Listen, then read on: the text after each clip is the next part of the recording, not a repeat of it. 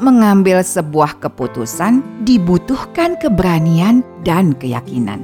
Khususnya saat kita dihadapkan dengan pilihan, di sinilah kita dituntut untuk mengambil keputusan yang terbaik. Ya, di momen inilah kita bertarung dengan keraguan dan ketakutan. Uniknya, begitu kita mengambil keputusan, dua hal itu, yaitu ketakutan dan keraguan, menghilang seketika. Keren ya? Saat itulah keyakinan di dalam diri kita ini mulai tumbuh. Pengalaman ini membuat kita belajar bahwa untuk mengambil keputusan yang terbaik, tiga hal yang perlu kita lakukan.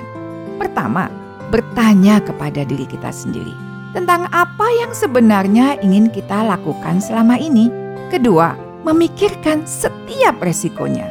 Dan ketiga, memutuskan langkah apa yang mau kita ambil untuk menyikapinya. Mudah bukan? Saya Aini Fauzia, leadership coach dan motivator 300 perusahaan multinasional, sekaligus founder ALC Leadership Management, ALC Survey, dan ALC Talent.